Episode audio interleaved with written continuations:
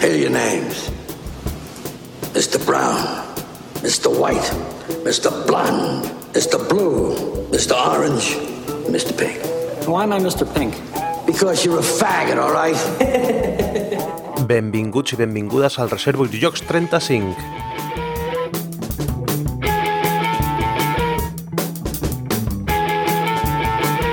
Vingut amb força continguts de la Fira Jugar per Jugar de Granollers. Tot s'ha de dir que els dos àudios que s'han gravat allà els va gravar el Gurney, l'amic Gurney de Días de Juego, un altre podcaster i bueno, ja famós, segur que el coneixeu, i que ens ho va passar perquè eren àudios en català i deia, els vols aprofitar tu? I vaig dir, hòstia, doncs sí, perquè jo vaig portar la gravadora tot el dia però no vaig gravar al final res. I bueno, serà que no tinc eh, aquest gent de podcaster que, que té ell, no? I bueno, comencem cantant els continguts. Al minut 5 trobem l'àudio de el lliurament dels Premis de Creació de Jocs Ciutat de Granollers. Al 18 anem a una entrevista amb Toni Viader, de Juganet, de Santa Coloma de Farners. Més tard anem al 36 i ens trobem la secció de l'Edgar Massot, eh, llicència per jugar, que ens fa una petita crònica del que va ser per ell jugar per jugar 2014 marxem al, al 51, que hi ha una presentació de Victus que es va fer el divendres allà a la Fira Jugar per Jugar de Granollers, és presentació oficial a la Fira, hi ha cosetes noves, ja us ho avanço, eh, perquè clar, heu escoltat aquí moltes coses sobre Victus, però encara encara ens sorprenen amb, amb algun detallet més.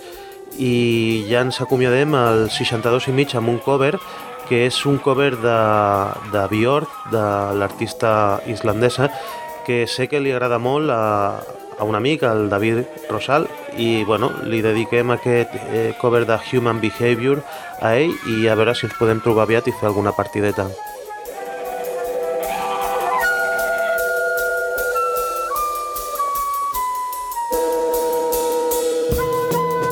També m'agradaria comentar-vos algunes activitats que es fan properament perquè no sé si ens donarà temps a tenir un altre episodi i fer difusió. La fem ara perquè és molt aviat en realitat. És eh, la noche més corta més larga de juegos, la nit més curta més llarga de jocs, que és la nit en blanc eh, que ens passem jugant a jocs de taula. S'havia fet sempre, els dos anys que s'ha fet a Sant Andreu de la Barca, organitzada per la plataforma Lúdico Social. Aquest any li passem una mica el relleu al Club Amatent i es farà al, a la seu del Club Amatent, a la capella, el dissabte 21 de juny de les 10 de la nit a les 8 del matí teniu allà la nit més curta, més llarga de jocs i nosaltres hi assistirem, lògicament, i a veure si fem algunes partides i també gravem algun, algun àudio interessant entre els assistents que allà hi vagin. I després també, eh, comentant aquest trosset que em queda fins que acabi la sintonia inicial, algunes reedicions que, que s'estan veient que sortiran en breu. Hi ha dues reedicions del Reiner Nícia, que és un autor que ens agrada molt, i són jocs que a més he, he jugat molt. Un és, eh, es dirà l'Age Age of War, que el publicarà Age Entertainment, és una reedició del Risico Express, que és un joc de daus que, que costava molt de trobar i bueno, esteu atents perquè el joc està, per ser un joc de daus i de conquesta, està força bé. I després Viernes 13, que ara mateix ho, ho té Yellow a Europa i suposo que si ho té Yellow eh, igual pot sortir per Homolúdicus. El Viernes 13 és una reedició del Poison, del Reiner Nicias, un joc que vaig jugar fins la infinitat quan estudiava animació sociocultural a l'hora del pati i és un joc de cartes brutal. I també m'acabo d'assabentar per Cubo Magazine que està programada una reedició també que farà Stronghold Games i també eh, White Goblin Games, els holandesos, del Medina, de l'Estefan Dorra, que és un joc que agrada molt al nostre amic Black Meeple i si no el trobàveu perquè estava ja gairebé descatalogat totalment el podreu trobar en alguna d'aquestes dues edicions de Stronghold Games i de Wet Goblin Games, així que esteu atents. I res més, us deixo ja amb el contingut d'aquest episodi, que ho passeu bé.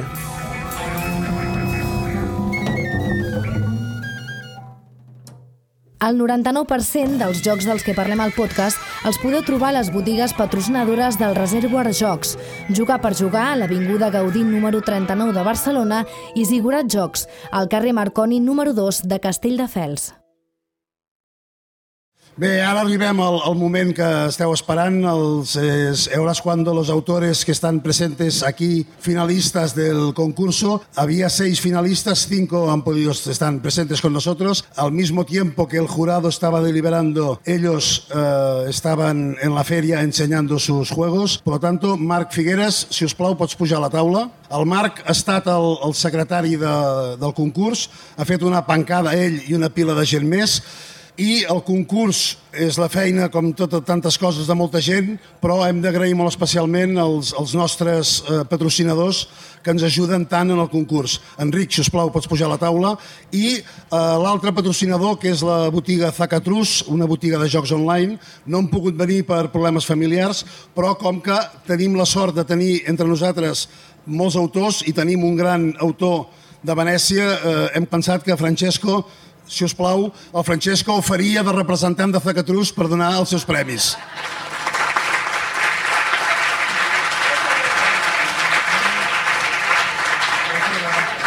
Bé, el, el premi, el, aquest concurs és la setena edició, 7 més 1 si contem, si contem Europa Ludi. Vam començar amb 30, amb 30 jocs, enguany hem rebut 85, però potser, Marc, millor que ho expliquis tu, oi, això? Bé, eh, en primer lloc, abans de res, en nom de l'organització del concurs, m'agradaria agrair a tothom, creadors, provadors del joc i membres del jurat, la seva participació en, el, en, en, aquest, en aquest concurs.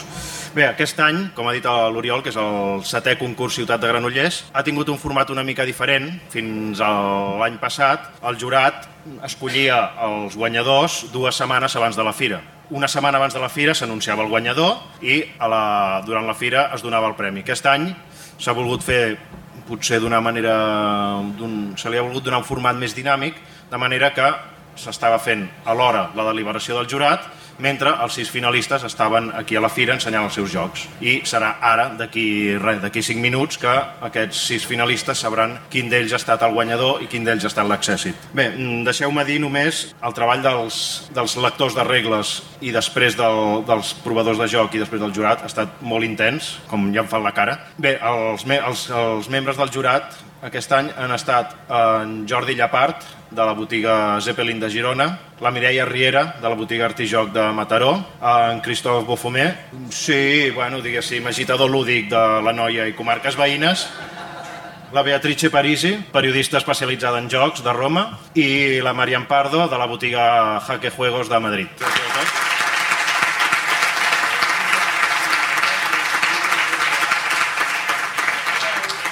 Ai, perdó, sí, és veritat. Em deixava un en Miquel CC, potser conegut per alguns de vosaltres perquè és el, el que fa els mots encreuats del, del diari El Punt Avui. Deixeu-me dir quatre xifres. Aquest any hem rebut 85 jocs. D'aquests 85 se n'han seleccionat 20. Aquests 20 jocs han estat provats, jugats i rejugats extensament per, un, un, per diversos equips de jugadors i amb aquests 20 se n'han seleccionat 6 que són els que han passat a la final. Aquests 6 jocs, amb els seus autors, han estat el joc Caracoles d'Antoni Serra de Sanferm, de Granollers, el joc Piu Piu Tri, de l'Eugeni Castanyo, de Sant Cugat, el joc Sky Dice, del Julián Roas i Maria Antònia Pinilla, de Sant Juan de Aznalfarache, Sevilla, Ciudades Paralelas, de l'Aitor Vilchez, de Baracaldo, el Steampunk Rally, de Lorin Bishop, de Calgary, Canadà, i a Heroes, de Lorenzo Tarabini, de Madrid. Potser, doncs, és ja el moment en què toca que els dos guanyadors d'aquests sis siguin presentats. Doncs, eh, per presentar l'accèssit tenim la Beatrice Parisi. Hola a tothom. Gràcies. Hola a tothom i gràcies a tothom. Eh, hi ha una frase italiana que diu che nella botte piccola c'è il vino buono, che vuol dir que a la bota petita hi ha el vi que és molt bo. A mi m'ho deien sempre, potser per, perquè soc molt petita, per i ho dic això perquè el joc eh, que ha guanyat l'accessis està en una bota molt, molt petita, però encara que sigui petita la bota, la idea que està en la bota és molt, molt gran. I el joc es diu Sky Dice, és un joc molt divertit. Eh,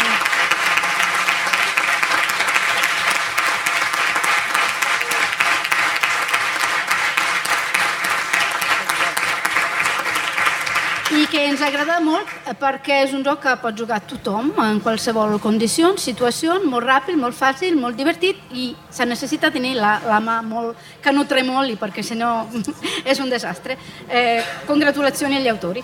Julián, por favor, li lliura el premi la regidora de promoció econòmica, Andrea Canelo. Marc, anem pel Premi Gros? Som-hi. Bé, el Premi Gros us el presentarà la Marian Pardo, que és una dona simpatiquíssima, propietària de la botiga Jaque Juegos de Madrid. Si aneu a Madrid, passeu per la seva botiga.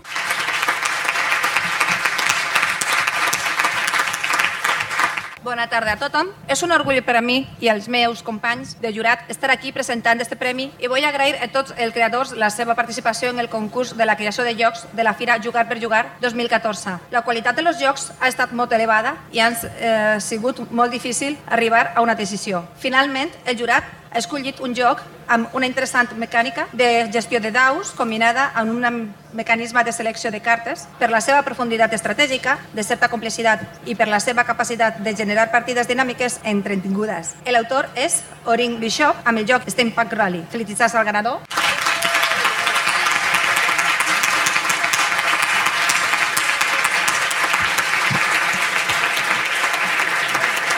No sabeu l'esforç que ha hagut de fer la Marian per dir el que ens ha dit, eh?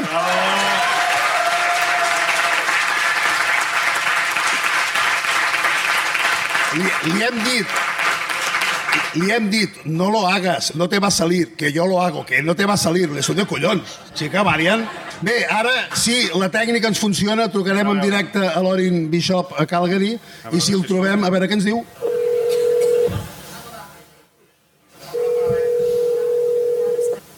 Hi. Hi, hi, Hi, Mr. this is Oren Bishop. Mr. Orin Bishop. Uh, Oren Bishop. Uh, yeah, uh, I am, we are calling you. Well, I'm calling you on behalf of the Granollers Game Design Contest. Yeah. Yeah, uh, mm, we are in the in the middle of the our ceremony, and Awesome. uh, we are calling you for a bad news and uh, good news. The bad news is that uh, we we are very sorry you are not here with us today. Yeah, me too. Uh, and the good news is that you have just won the, the first prize. Wow.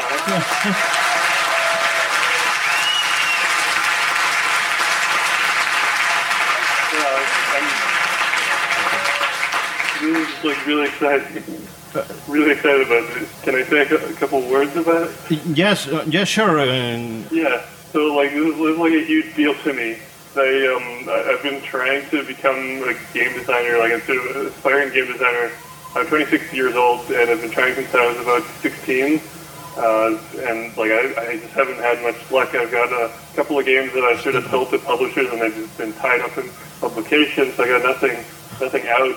I've been like a finalist in, in, a, in a few competitions and I've never won anything. So this is sort of like my first like proper real success as a game designer. I'm super excited. So I want to like say thank you for to like my parents and to the Game Artisans of Canada, which is the, the playtest group that I play with, with all the time. I wouldn't be able to like have gone here without them, and obviously you guys. Thanks so much for for doing this to me. This is wonderful. I promise I'll play to give you.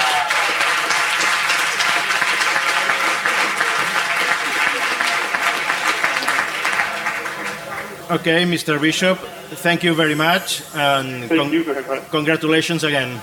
Awesome. Thank you. Okay, bye. Cheers.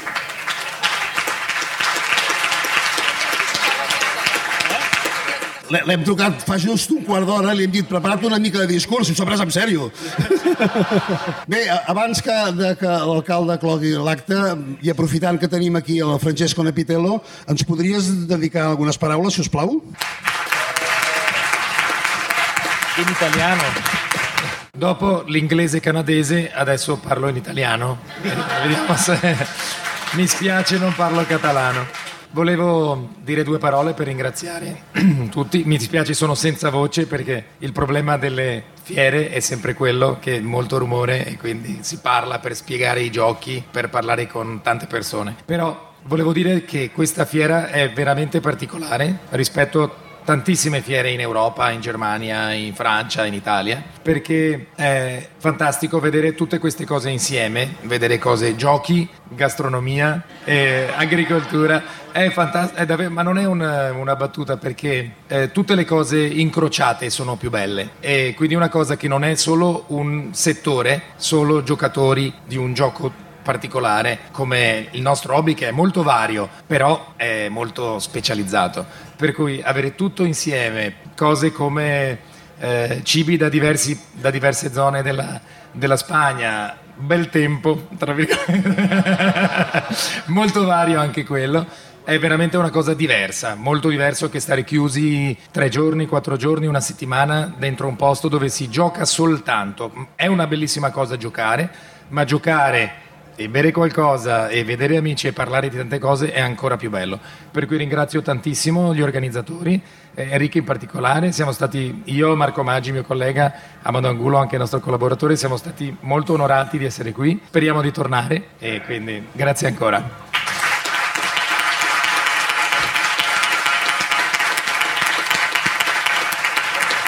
Si us plau, alcalde, ens dirigeixes unes paraules per acabar l'acte? Bé, molt bona tarda a tots i a totes. Jo parlaré en català. En tot cas, comentàvem amb la regidora que tot és més senzill del que pensem i del que diem. Una madrilenya parlant fantàsticament en català. Gràcies. Una italiana parlant fantàsticament en català. Un italià parlant fantàsticament en italià.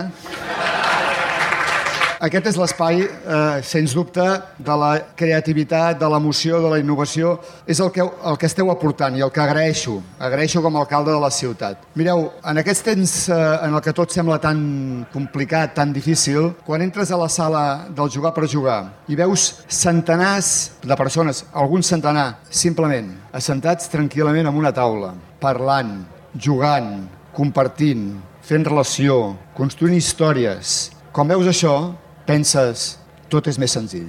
Quan veus això en aquest temps tan difícil en el que sembla ser que ningú troba solucions a cap dels problemes que hi ha sobre les taules simplement perquè alguns han amagat les taules, vosaltres, el que feu aquí, el que es fa aquí, és un exemple del que hauria de ser.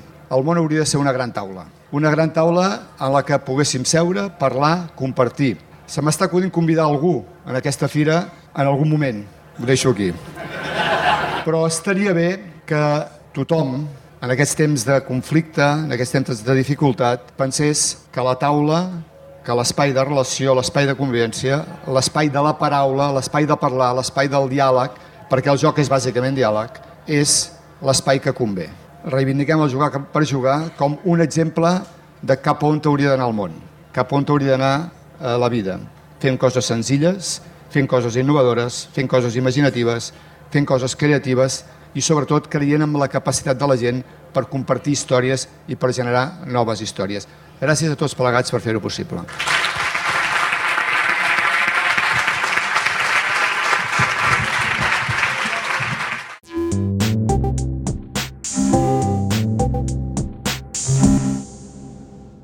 Hola, estic amb el Toni Viader, que és de Lloganet, i ara ens explicarà una mica què és tot eh, això de Lloganet. Els vam conèixer ja fa temps a la Fira de Tona, també van coincidir a Granollers, que just acaba de passar, i bé, Toni, què és Juganet? Hola, bona tarda. Bona tarda. Doncs, sí, primer de tot, no? Juganet és, és una empresa cooperativa que vam crear res, fa no res, fa el mes de novembre passat, amb l'Eloi Ginestà, aquí a Santa Coloma de Farners. Bueno, doncs com comencen aquestes coses, arrel d'una conversa entre amics, després d'uns dies de vacances junts, eh, l'Eloi té un estanc, però un estanc de poble, no? Santa Coloma de Farners, que que sempre, des de sempre, ha venut jocs de taula clàssics, no? Doncs allà, doncs, escacs o pòquer o jocs de cartes i així, i també jocs del món, no? Tenia valers, eh, coses d'aquestes.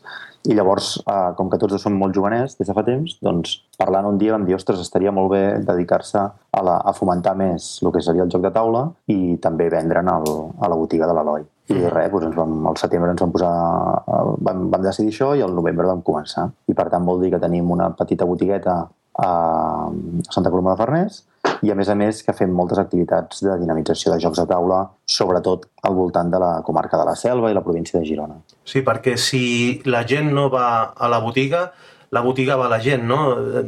D'alguna manera, perquè no pareu vosaltres de moure-us. Què, què, què esteu fent? Què esteu fent? Sí, bueno, també és ara que ha coincidit fer moltes coses, però a nosaltres com que el que ens agrada molt i ens motiva molt és ensenyar jocs i que la gent, no sé, quan ensenyes un joc de taula és molt xulo que almenys en nosaltres, eh, que ens dediquem molt al públic eh, no tan especialitzat o aficionat al joc de taula com més aviat a les famílies i gent que en general juga poc i que per tant la, la sensació és que li ensenyes un joc i descobreix un món, no? I aquesta, aquesta experiència ens agrada molt. Per tant, nosaltres fem moltes activitats adreçades a famílies i això vol dir doncs, que muntem taules al carrer, no? Si un ajuntament diu fem la fira de no sé què, la fira de la ratafia de Santa Coloma, doncs agafem i muntem sis taules en una plaça i ens passem tot el dia ensenyant jocs de taula d'aquests moderns, no? Eurogames, bàsicament, d'aquests que s'expliquen ràpid, que s'aprenen ràpid i que són molt multigeneracionals, no? que, que poden jugar a totes les edats. Amb la ratafia suposo que ajuda, no?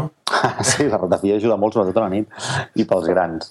Però, però sí, sí, va anar molt bé, perquè la ratafia és, un, és una festa que funciona molt bé aquí a Santa Coloma, que venen milers i milers de persones, i per tant muntar les taules allà doncs, va passar moltíssima gent i, i tothom, sobretot els coneguts, i ostres, no sabia que fèieu això, no sabia que sapíeu tant de jocs i no sé què. I per tant, bueno, la sensació de que estàs donant a la gent una eina per tenir un lleure molt més sa i molt més positiu que d'altres tipus de lleure, no? O sigui que us agrada ser, eh, bueno, fer descobrir jocs a la gent i sobretot aquesta experiència, però vosaltres quin bagatge teniu a, a l'hora de, de jugar? O sigui, sou jugadors de fa molt temps i després també eh, a què us dedicàveu abans? Perquè, bueno, de, de l'Eloi deies el de l'estanc, però bueno, què, què sou vosaltres? Bueno, som, a veure, som dos i per tant som coses diferents. bueno, de fet tres, perquè també s'hi ha afegit la Consol Marquès, que és la meva dona i també també està en el tinglado, tot i que s'hi va afegir una miqueta més tard. Eh?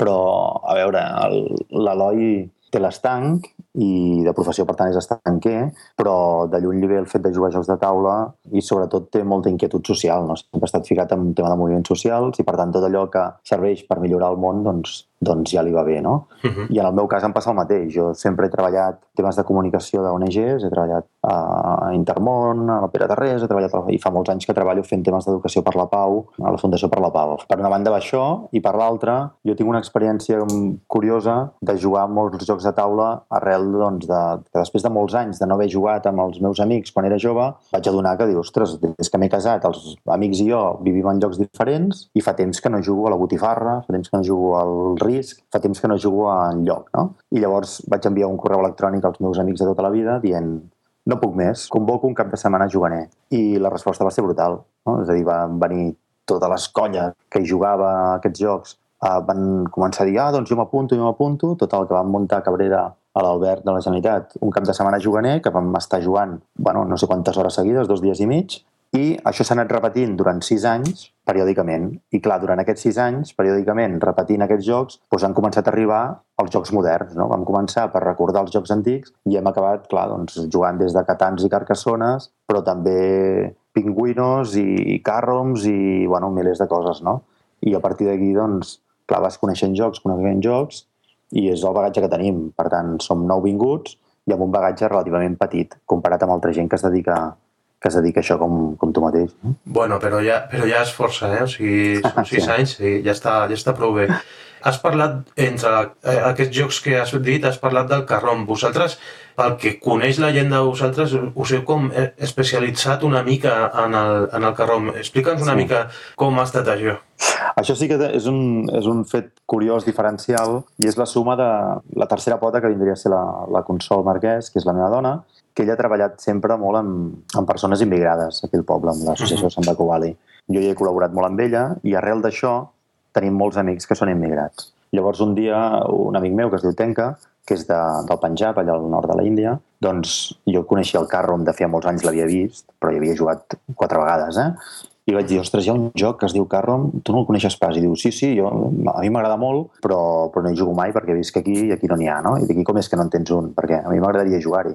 I diu, no, no, perquè aquí no en venen. Llavors, buscant per internet, vaig trobar que a França sí que se'n venien per internet i li vaig dir, vaig dir, va, comprem-ne. I en vam comprar un.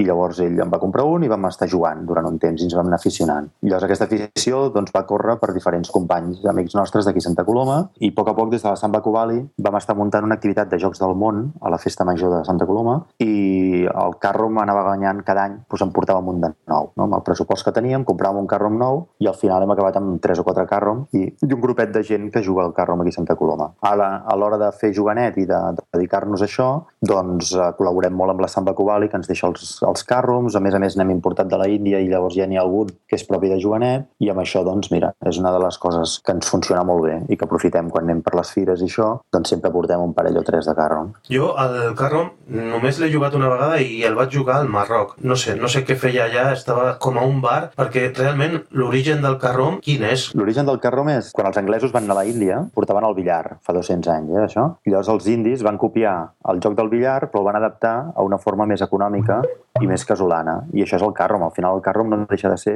un billar de sobretaula. És un ah. joc de flicking, no? D'aquests de donar Sí. amb els dits. Sí, sí, sí, és un joc de flicking on hi ha unes peces bla blanques i negres i les has de posar als forats eh, fent punteria, o sigui, s'assembla molt al billar. I, de fet, molta gent quan el veu diu ah, això és un billar, és com un billar, no? Llavors hi ha la, la fitxa vermella que té una cosa especial, tothom diu ah, la vermella és com la negra del billar. I dius, no, no, funciona diferent, però bueno, sí que és una cosa Més especial. Sí, sí. Llavors la gràcia del carrom és que, eh, tot i que l'origen és a la Índia, es va extendre molt per tot el que seria l'Àsia i de fet es juga molt també al Nepal i al Pakistan i a, a, molt, a tot arreu de de- d'allà del- d'Àsia. Però a més a més, des dels anys 60-70 eh, s'ha anat implantant també a Europa.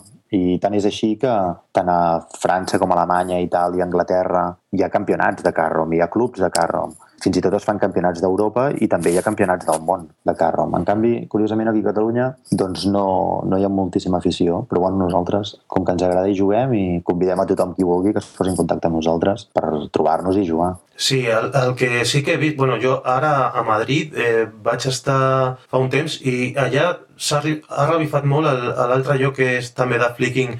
Ara, mi- mira que sé quin és, però no em sortirà el, El, nom. el, el croquinol. El croquinol, sí, el canadenc.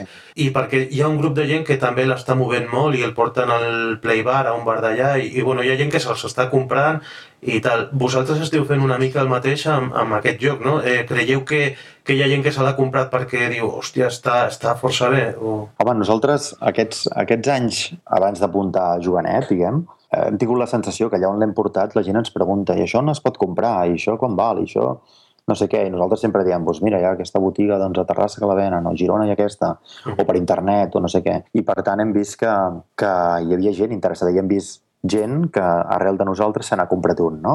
El que passa és que és veritat que el que costa aquí és trobar carroms de qualitat. O sigui, els carroms que es venen són, són molt cars i no són de competició, diguem, de qualitat. Llavors nosaltres el que hem volgut fer amb Jocanet, eh, amb el contacte d'una gent de, de les Canàries, que també importa carroms, eh, és amb ells importar-ne uns quants per poder-los vendre i, i que la gent que s'hi aficioni de veritat doncs, pugui trobar carroms de qualitat comprats aquí i no haver d'anar fora o a la Índia o complicar-se la vida, diguéssim, no?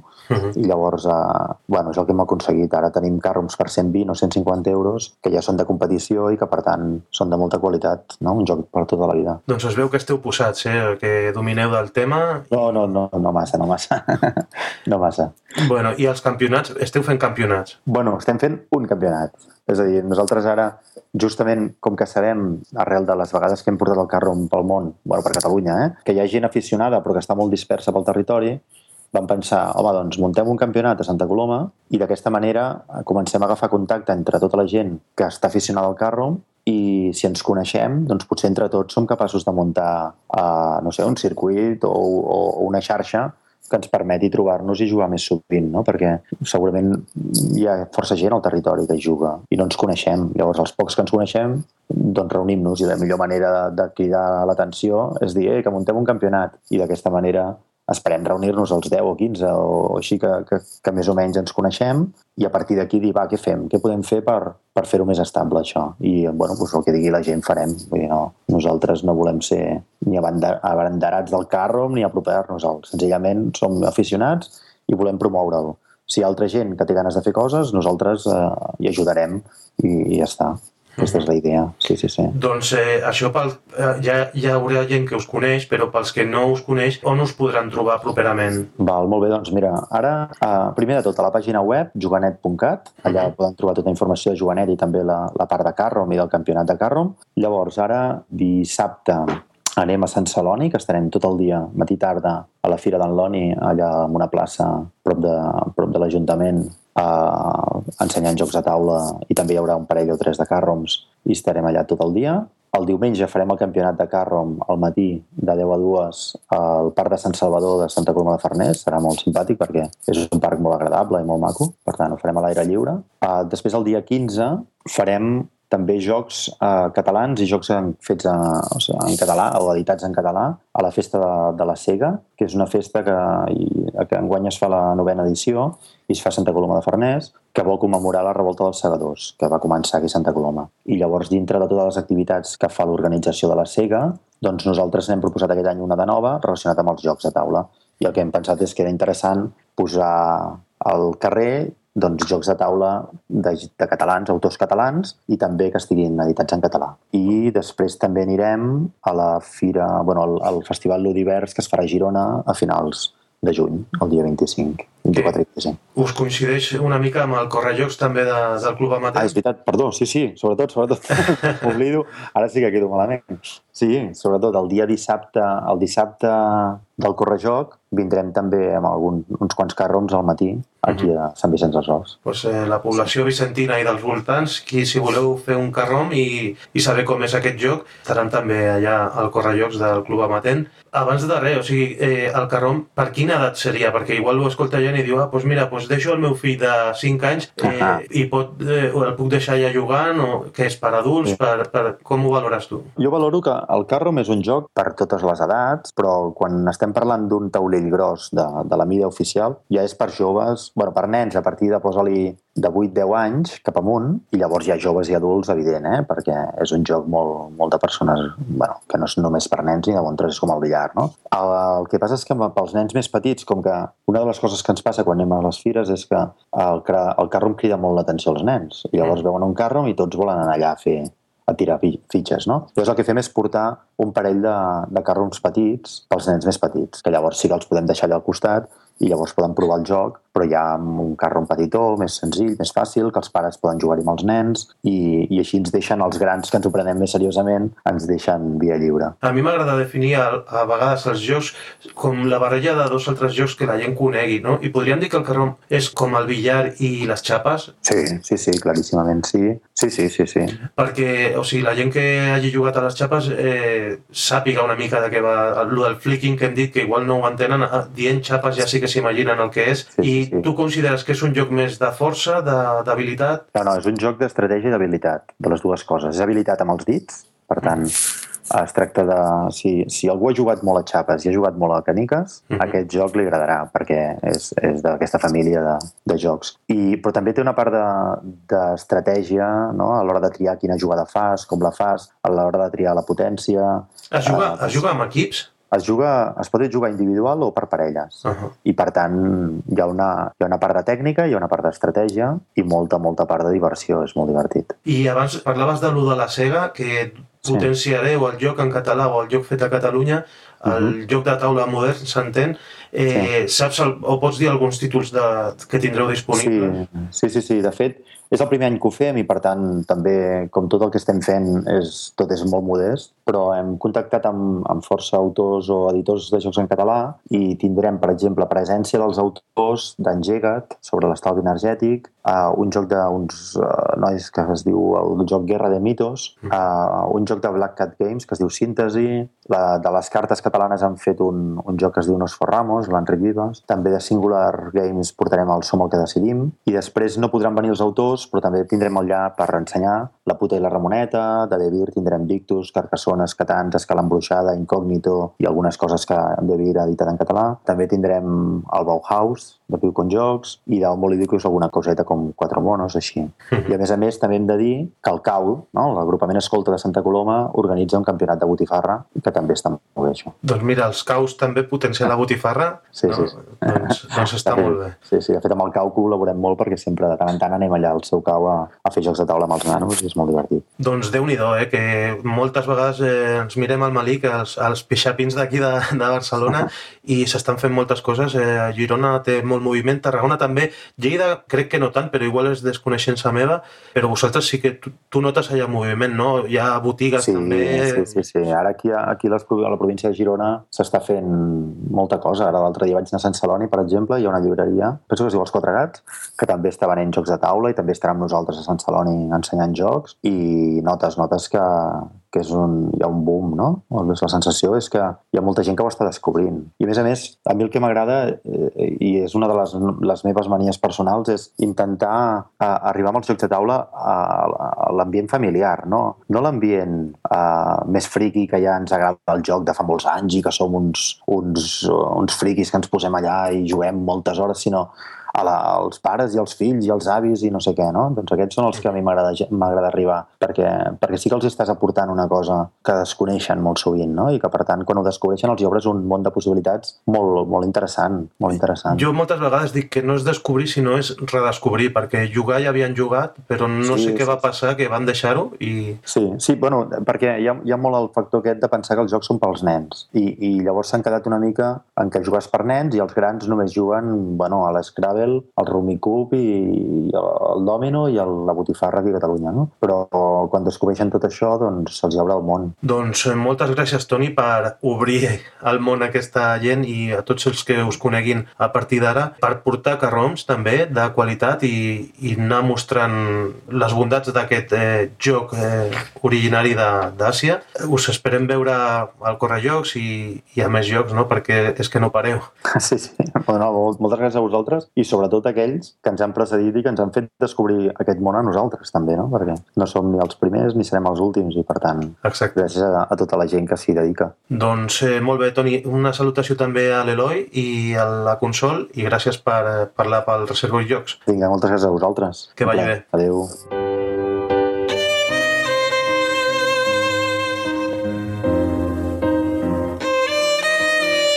Llicència per jugar.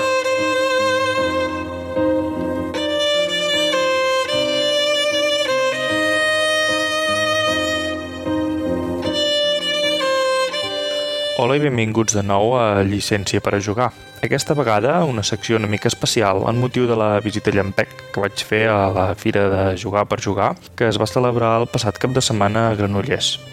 Possiblement sigui una de les fires més importants a les nostres terres i moltes editorials esperen la, presentar les seves novetats aprofitant aquesta fira, que a part eh, celebra un concurs de creació de jocs on eh, molts dels eh, finalistes o guanyadors han acabat eh, publicant-se com a jocs eh, per editorials importants.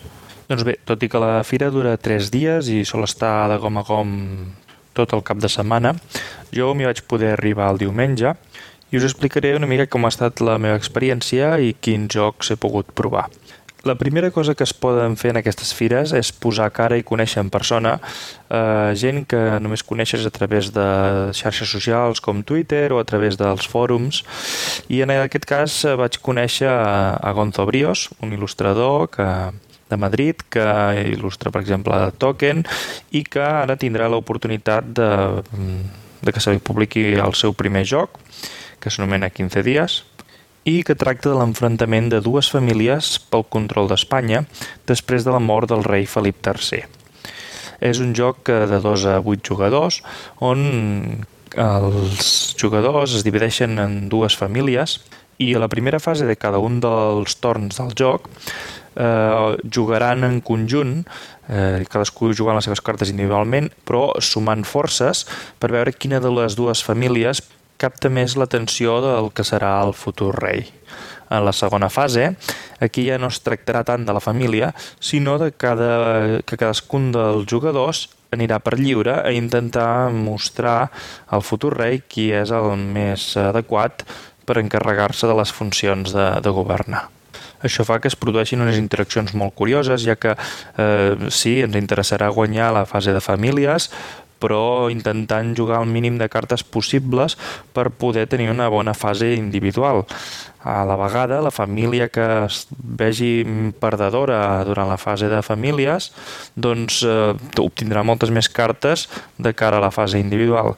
I això el dota de un, diferents estratègies i de molta interacció amb els jugadors. El joc és bàsicament un joc de cartes on cada carta eh, pot complir diverses funcionalitats, es pot jugar com un personatge sobre la taula, es pot jugar per eh, influir sobre la resta de personatges o inclús per robar més cartes, recuperar-ne de la pila de descartades, etc. És un joc de cartes però és un joc eh, molt dur i molt interessant, espero amb moltes ganes la seva sortida, que si malament no recordo està previst per el que vindria a ser la Fira d'Essen del, d'aquest any, és a dir, cap al mes d'octubre. Tot seguit ens vam conèixer personalment amb en Miquel i vam tenir l'oportunitat de jugar un prototip anomenat Vuelta Ràpida d'un usuari que a Twitter es fa dir Calarien i que és un party game molt curiós on els jugadors intenten guanyar una cursa de motocicletes i per fer-ho es posen al, al manillar d'una moto fictícia i mitjançant uns daus ens indica el nombre d'accelerades que s'han de fer en cada un dels trams d'aquesta cursa. És a dir, doncs hi haurà una recta, curves suaus a dreta i esquerra, fortes a dreta i esquerra i una frenada que apareixeran en diferent ordre i cada una d'aquestes pot tenir un diferent nombre d'accelerades.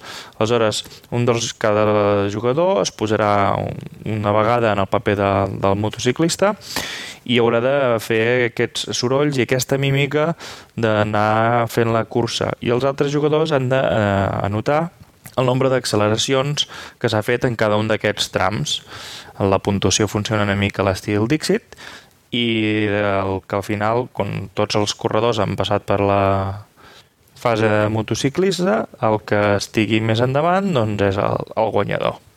La veritat és que va ser molt divertit, però ni jo ni en Miquel ens en vam sortir gaire bé. Crec que els dos vam quedar últim i penúltim.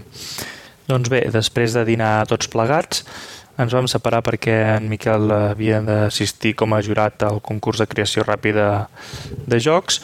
I, si no recordo malament, amb l'Adrià i la seva parella del bloc d'Estanteria de Juegos van fer una partida a l'Esplendor que és un joc que, que té detractors i defensors a, gairebé a parts iguals, eh, que ha estat nominat al Spiel de Jare i que és un joc eh, molt familiar, senzillet, eh, on representem comerciants de gemmes, on cada torn podem fer una acció que pot ser doncs, eh, comprar tres gemes de diferents colors o comprar-ne dues del mateix color sempre que hi hagi un suficient producció o finalment comprar una carta o reservar una carta d'un display que hi ha. Eh, per comprar aquestes cartes doncs hem de pagar amb gemes i aquesta carta ens la posarem a davant nostra i passa a ser una carta de producció d'un color determinat.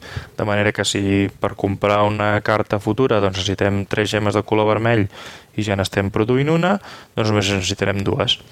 I això, a grosso modo, és, és el joc. S'explica res, en menys de 5 minuts. Uh, aquestes cartes mm, estan en tres nivells, uh, com més gemes i més recursos costen de construir, uh, més punts ens donen, i el primer que arribi a 15 punts és el guanyador de la partida. Mm, molta gent el compara al, al Jaipur, però amb, quatre, amb possibilitat de jugar fins a 4 jugadors, i la veritat és que té molta pinta de que s'endurà l'espil de Jare. A molta gent li sembla que el joc no n'hi ha per tant, que és massa senzillet, però la veritat és que per el que és el premi i per al sector al que va destinat compleix perfectament amb els, amb els criteris i amb els objectius i per fer una partida ràpida o per introduir algú al món dels jocs, eh, sens dubte és ideal. I finalment vaig poder provar el que ha estat el guanyador d'aquesta edició del concurs de creació de jocs de taula. El joc s'anomena Steampunk Rally i si bé el joc no em va emocionar especialment, s'ha de reconèixer que està bastant ben treballat i ben encaixades totes les mecàniques. En aquest joc el que cada jugador eh, té un, un vehicle que ha de córrer a través d'un circuit, d'un desert, amb diferents obstacles, eh, i per fer això doncs ha de construir el seu vehicle i fer que sigui capaç d'autoreparar-se i d'autogenerar la seva pròpia energia. Per fer això, els jugadors eh, fan un draft de quatre cartes que roben al principi de cada torn de diferents baralles. Eh, hi ha de, els colors blau, vermell i groc i una baralla especial de vents de color negre. Llavors, eh, cada jugador roba una d'aquestes cartes que són diferents parts de, del nostre vehicle, hi ha des de motors, a peces que generen energia, a peces que, que ens poden fer desplaçar més ràpidament, etc etc. Llavors, d'aquestes cartes es fa un draft, quedant-nos una carta i passant la resta a, a l'esquerra i aquesta carta la podem col·locar eh, afegir al nostre vehicle com una peça més o descartar-la per, per obtenir mm, daus d'energia. Normalment les de color són dos daus del color i la que és eh, la carta de vent negre és un dau de, de qualsevol color. O bé per eh, reparar el nostre vehicle. Un cop s'ha fet el draft d'aquestes cartes, eh, es procedeix a, a tirar els daus de, que hem pogut acumular descartant-nos d'aquestes cartes i utilitzar aquests daus amb les peces del nostre vehicle. Doncs, per exemple, hi ha motors que diu doncs, per cada dau blau eh, avances un espai o per cada mm, dos punts en un dau groc eh, obtens un dau blau i amb aquests daus comences a fer combinacions i intentes avançar sense que el teu cotxe es destrueixi per, a, per al desert. És un joc amb bastanta poca interacció entre els jugadors. De fet, la fase aquesta d'executar de, els daus, eh, si es vol executar en, diguéssim, en ordre, es triga bastant i quasi, quasi que és recomanable que cada jugador executi la seva i ens enfiem de, del que hagi fet l'altre jugador en el seu taulell. A part d'això, cal vigilar perquè cada cop que creuem unes muntanyes en la, en el circuit, hi ha diverses caselles amb una i fins i tot dues muntanyes, el nostre vehicle rep un de mal. Llavors hi ha un mecanisme que és que mm, peces de, de la, del nostre cotxe poden generar com escuts o reparar i, i això es marca amb un indicador en forma de velocímetre i si al final del torn estem en negatius vol dir que el nostre cotxe ha rebut molt de mal i per tant hem de perdre pues, aquell nombre de, de peces i si estem en positius doncs no passa res i continuem endavant. Al final, eh, quan algú creu a la meta, es juga un torn més i el que arribi més lluny ha estat el guanyador. És un joc correcte i segurament amb una mica més de treball és possible que acabi sortint al mercat eh, de mans d'algun editorial. Però això ja, ja ho veurem d'aquí un any o dos a veure com, com evoluciona la cosa. Eh, molta gent l'ha descrit com fusionant les mecàniques Seven Wonders i Dominion pel tema del draft i que es fan combos de cartes a l'estil de, del Dominion, tot i que els activadors siguin daus que comprem, però un joc correcte, però que no em va acabar d'emocionar. De, de, I aquest ha estat el meu pas per la Fira de Granollers. Eh, molt satisfet perquè aquest any he jugat molt, he pogut provar sobretot prototips, eh, conèixer gent nova, posar cara a la gent que coneixes a través d'internet, és molt aconsellable, la carpa estava de gom a gom, hi havia els nois de, Yodar Jugando, eh, hi havia molts editorials que presentaven les seves notats, que tenien jocs per provar, és molt recomanable, poseu-vos al calendari, si us hi podeu passar ni que sigui un dia, de veritat que val molt la pena. També hi ha el racó dels autors, podeu provar prototips que hagin guanyat, bueno, que hagin participat en el concurs o no. En fi, que ja ho sabeu, l'any que ve tots a Granollers. Per acabar, contestar un parell de preguntes d'en Miquel, que en aquest cas són quins jocs toquen més taula i per què, i quins no hi ha manera de que surtin. Doncs bé, actualment els jocs que més veuen la taula, en el meu cas, són jocs que funcionin bé a dos jugadors i d'una durada relativament curta. I sobretot molts de jocs exclusivament a dos. Més que res, perquè normalment jugo aquest número i eh, almenys funcionen com un rellotge a dos. Hi ha molts jocs que a vegades tenen un rang més ampli, de 2 a 4 o de 2 a 5, i que quan el proves a dos doncs, mm, no acaba de funcionar bé, o necessites d'un jugador, un dami, que, que estigui per allà al mig perquè les coses funcionin bé. Aleshores, mm, ja ara moltes vegades apostem directament per un joc a dos, eh, com podrien ser, doncs, per exemple, el, el Convoy o Antique Duellum, de McGertz. També últimament hem jugat molt a A Few Acres of Snow, jocs de mm, confrontació més o menys directa, amb diferents mecàniques, o mm, de vegades inclús jocs així més curtets, com per exemple el Kingdom Builder últimament, perquè es munta molt ràpid, inclús pots fer un parell de partidetes i, i, i té el seu. D'altra banda, els jocs que no hi ha manera que surtin a taula doncs venen a ser els més, més llargs, eh, amb un, que demanen un rang de jugadors molt més ampli per disfrutar-se i on l'explicació de regles és extremadament llarga.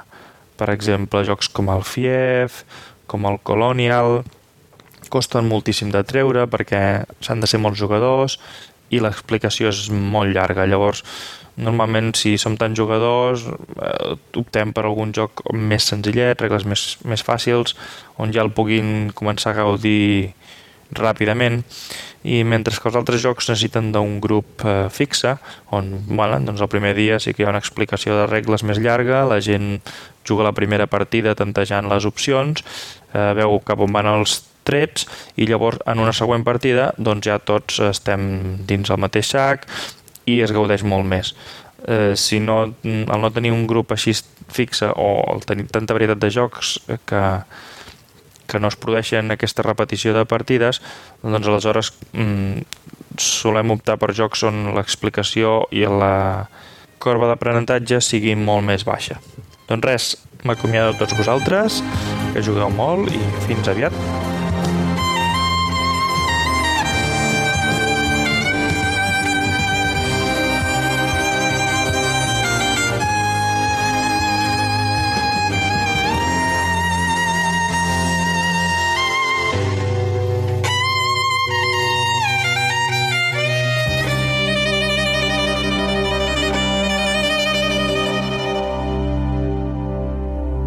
Aquesta fira, com tots sabeu, aquesta fira del Jugar per Jugar ja és una fira en si mateixa, ho dèiem ahir a la inauguració.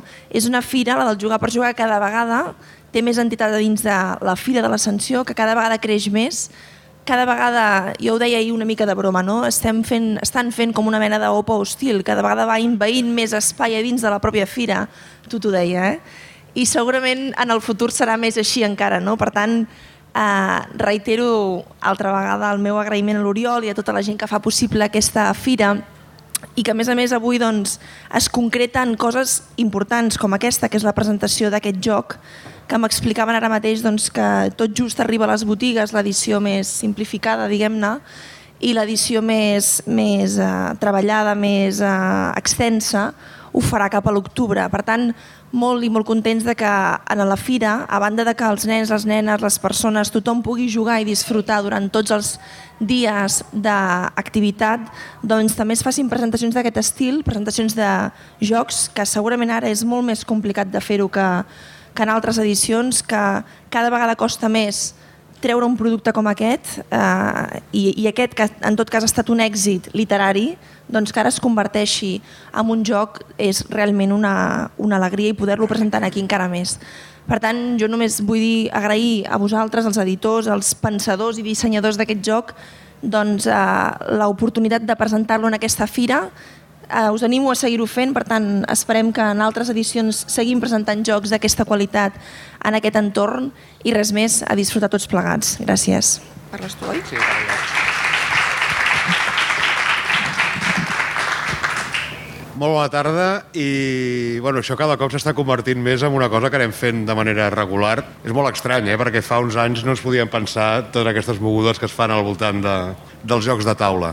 Uh, jo us volia explicar, abans de que us expliquessin una mica el, el que han fet l'Oriol i el Toni, uh, com es viu des de, des de la banda de l'editor el fet de trobar-te amb un pollastre com fer jocs sobre un llibre tan venut i tan conegut i amb tanta gent diferent que li ha agradat i que se l'ha llegit de maneres, de maneres eh, diverses, no? perquè Victus és un joc, ai, és un llibre, eh, és dos jocs, però és un llibre, bueno, que ha sigut un èxit literari, que hi ha gent que ho ha llegit sota el paràmetre de la, de la, de, del, del tricentenari i de la derrota catalana davant de les dues corones, hi ha gent que s'ho ha llegit com una novel·la més d'aventures, hi ha gent que s'ha llegit perquè era del Sánchez Pinyol, lectures amb, de tota mena de profunditats, és un, era un llibre que afectava a un públic molt divers. I nosaltres la primera cosa que ens vam plantejar quan ens va venir a veure l'Isabel Martí, que és l'editora, i l'Albert Sánchez Pinyol, que sí, que era molt xulo, però de tot el llibre, quin joc fèiem?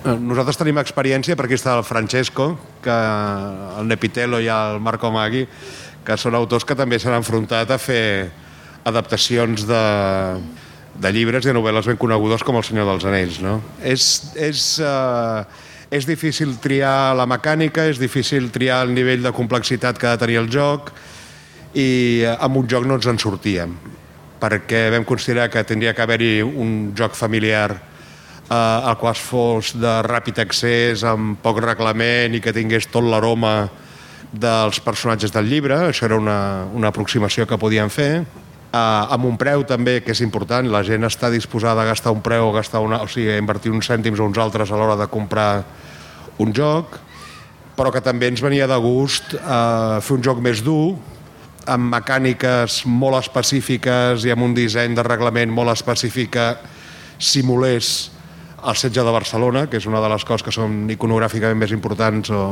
de, del llibre, però amb un briefing o una, un encàrrec que li va fer al Toni una mica complicat, perquè està clar, canvies la història, no canvies la història, quin sentit té fer un joc en el qual hi ha un que rebarà al final de la pel·lícula?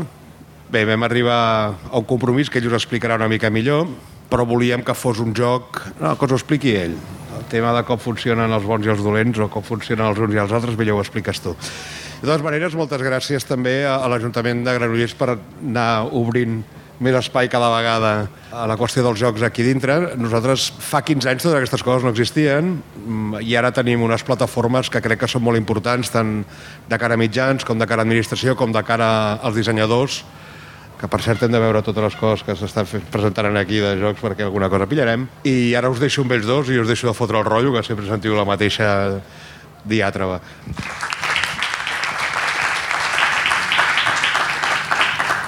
Bona tarda. Diuen Dorca que quina responsabilitat adaptar a joc una novel·la tan èxit. Imagineu-vos l'autor del joc, perquè ell al final diu no, ha sigut aquell.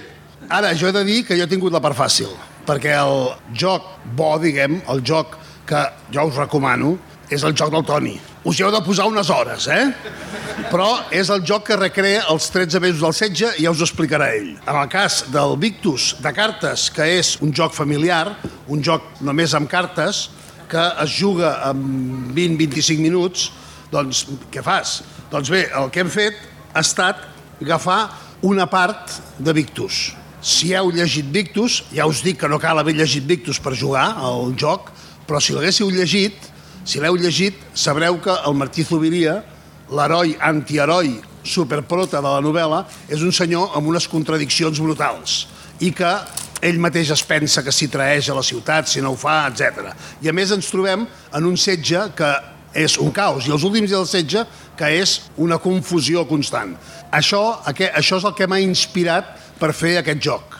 Dit això, és un joc molt simple, és un joc de bases, un joc de bases que no guanya la carta més alta, que no hi ha quatre pals, sinó n'hi ha sis, que les cartes, el color de les cartes no és el color dels pals, i que més Esperem que els que sí han llegit la novel·la hi trobin això que deia el Joaquim, que era molt important, l'aroma. La bona part dels personatges de Victus desfilen pel joc i desfilen els cinc protagonistes, diguem-ne, militars, que són, per un costat, pel costat dels bons, diríem, els defensors de la ciutat, Martí Zubiria i Antonio de Villarroel, i per la part dels assetjants, dels borbònics, el duc de Popoli, que va fer paper galdós de no poder complir l'assetjament, el Van Verboom, que és l'enginyer que va propiciar que la ciutat caigués, i el duc de Berwick, que és qui va fer caure la ciutat. Per tant, juguen dos contra tres, però juguen per simular aquest moment de confusió, juguen amb identitats secretes. Només Zubiria se sap qui és. Els altres ningú sap res. Per tant, com va passar llavors, del paper d'Antonio de Villarroel depèn que Barcelona se'n pugui sortir una miqueta. És difícil que guanyin, han de tenir bones cartes, els han de sortir bons personatges, etc etc. És un joc, jo us, el que us he de dir us, us el recomano i el que he de dir és moltes gràcies. Primer eh, a l'Albert Sánchez Espinyol per escriure la novel·la que quan em va trucar en Joaquim Dor, que jo ja l'havia llegit i m'havia fascinat, per tant va ser un regal, la Isabel Martí per haver-lo per haver publicat i en Joaquim Dorca i en Xavi Garriga de Devir per decidir treure'n dos jocs.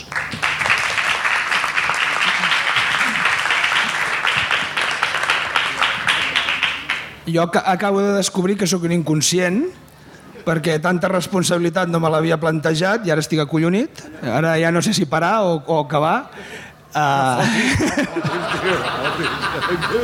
En el meu cas, l'encàrrec que vaig rebre de, de De Beer era un encàrrec d'un joc més fidel a la realitat, que recreés més el que va ser el, el, el setge de, de Barcelona, que és concretament l'últim terç del llibre de Victus. Tampoc és tot el llibre, és només l'últim terç. En aquest cas vaig rebre quatre o cinc indicacions, entre les quals la, la més important era que el joc havia de ser col·laboratiu i semicol·laboratiu, és a dir, que els jugadors havien de treballar junts contra l'objectiu comú que és aguantar el, el setge. En el fons és un joc de, de setges. El segon indicador era que Barcelona no podia guanyar, no anàvem a canviar la història, anàvem a, a igualar-la i al cap i a la fi és la lògica que té el tema de per què no volem canviar la història és perquè és el joc d'un llibre.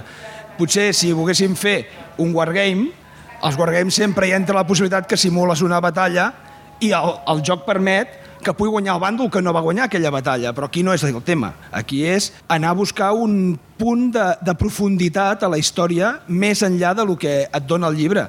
El llibre et permet disfrutar d'una història, aprendre i descobrir un, un moment històric determinat molt, molt, molt desconegut per tothom i el joc t'ha de permetre anar un pas més enllà i, i disfrutar-lo en primera persona. Per tant, un dels objectius que es buscava amb el joc és la part emocional, la part de, de vivència que ja comporta el fet de sentir-te avassallat per una tropa que va venint a atacar la teva ciutat. A partir d'aquí, eh, el tema de, principal va ser doncs, posar-te a pensar en les mecàniques. Crec que he tingut la sort de la qualitat d'anys que fa que estic amb el tema de, de jocs de taula, jocs de rol, jocs en general, i en el seu moment els hi vaig dir vale, em poso a fer el joc, però no vaig a crear res. És a dir, no vaig a inventar cap mecànica, no vaig a, a fer cap descobriment en, en els jocs de taula. Vaig a una finalitat, que és recrear una història, i agafaré o em deixaré portar per les influències que pugui tenir altres jocs. Segurament quan molta gent hi jugui doncs veurà que en el fons és un card-driven game, un joc que es gestiona, es juga a través del, del jugar cartes amb texta. Podran veure que hi ha mecàniques que dius, ui, això ho he vist a l'Andor, i efectivament vaig treure algunes idees d'en allà. Hi ha algú que pot dir que aquests indicadors em recorden el Galàctica. Bueno, tot potser sí que ve d'allà, potser no ve d'allà, no ho sabem mai. Els autors quan creem no saps d'on et venen les inspiracions. Val? Però tot anava a una finalitat, esperem que estigui ben conjugat i ben coordinat i és que els jugadors experimentin un, un moment comú, que és estar lluitant perquè el joc, com si fos una tropa de zombis, no envaegin la teva casa, que en aquest cas és la ciutat de Barcelona. El joc, com ha dit el Quim, és un joc una miqueta ja més llarg sobre el que són els estàndards populars, està molt dirigit a gent que sigui habitual de jugar i crec que serà assequible per la gent que potser no estigui tan habituada a jugar, però que hagi disfrutat tant amb la, amb la novel·la que li vulgui o li valgui la pena fer l'esforç d'intentar descobrir com va el reglament. Jo crec que és una experiència que complementa el llibre i que s'ha de viure.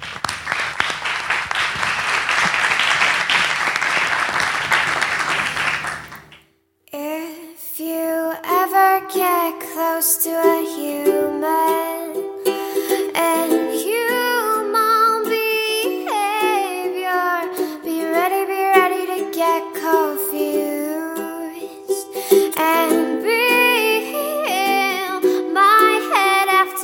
There's definitely, definitely, definitely no logic to human behavior, but yet so, yet so irresistible.